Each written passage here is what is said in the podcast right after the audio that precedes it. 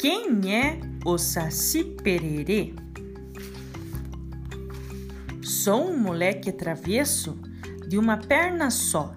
Fico invisível quando bem entender. Fumo cachimbo e tenho as mãos furadas. O meu nome é Saci Pererê. Sou esperto e ligeiro, mas tenho um segredo. A minha carapuça não deixo ninguém tirar. Sem ela, perco os poderes, e quem pegá-la ganha um desejo que devo realizar. Quando chego, dou um assobio misterioso. Dizem que sou maldoso e também brincalhão. Escondo brinquedos, tranço a crina dos cravalos, derramo sal na cozinha e faço a maior confusão.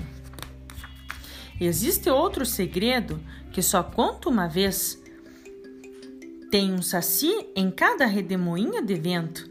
Para me pegar é preciso ser bem rápido e jogar em mim uma peneira ou um rosário bento.